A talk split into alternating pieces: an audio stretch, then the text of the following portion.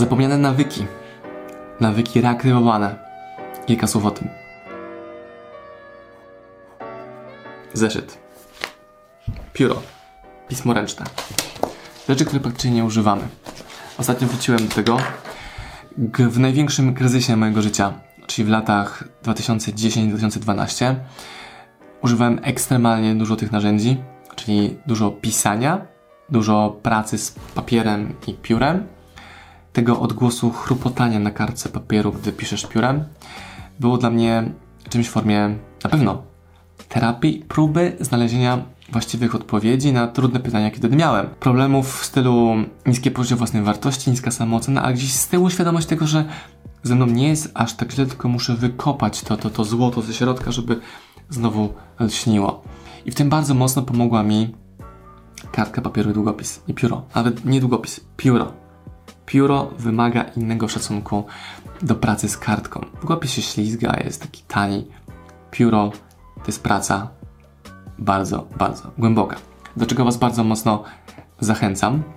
I zapisuję albo myśli, które mam, żeby siebie wyrzucić, albo zapisuję swoje plany, albo robię sobie ćwiczenia mięśnia kreatywności. To zapisywanie swoich marzeń, inspiracji. Jest to robienie sobie różnych ćwiczeń z książki Kamili Kruk Kim jesteś?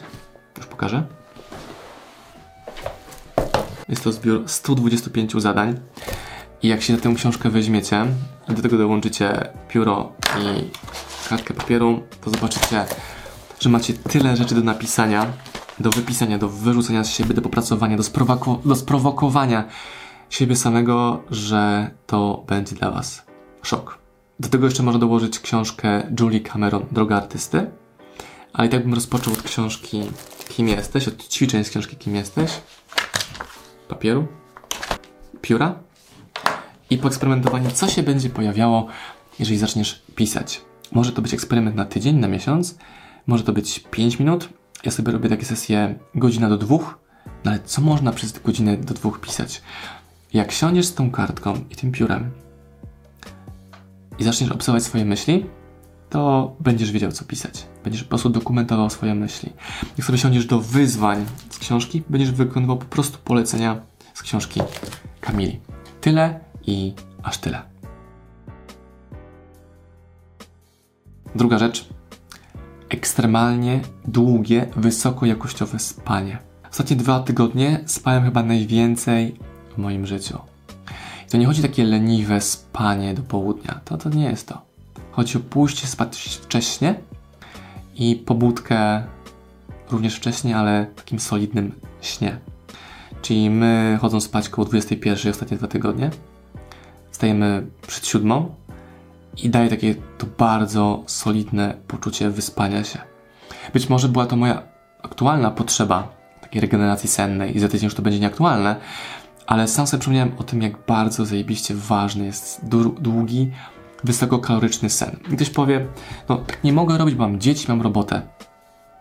Mam robotę, mam dziecko, można to robić.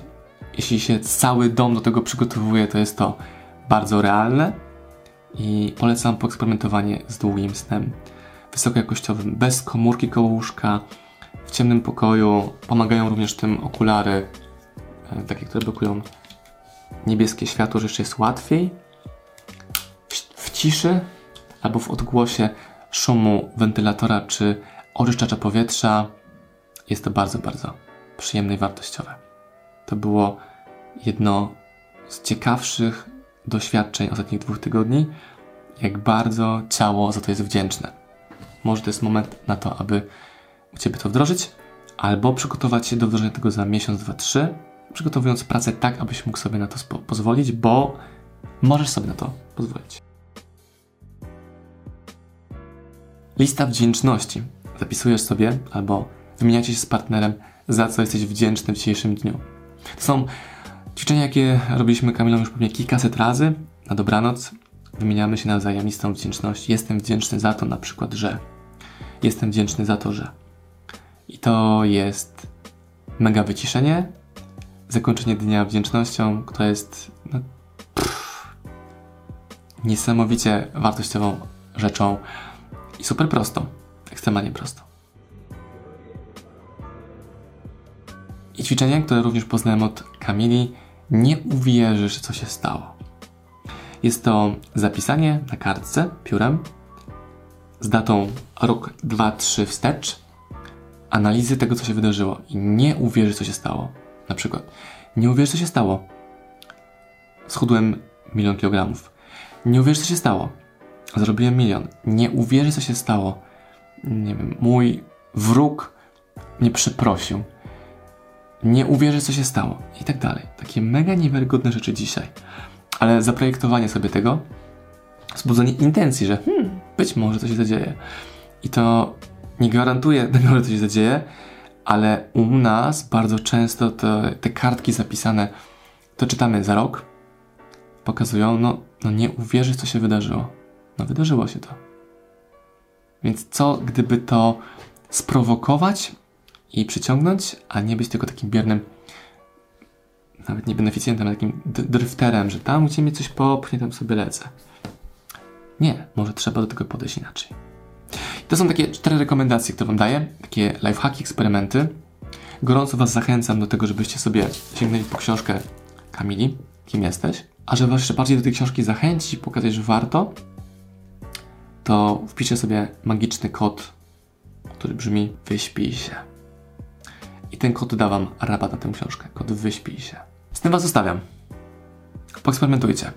Takie cztery niewinne punkty, które staną się może waszymi nawykami albo takim podparciem w trudnych momentach, albo również drabiną do osiągania tego, co chcecie. Polecam.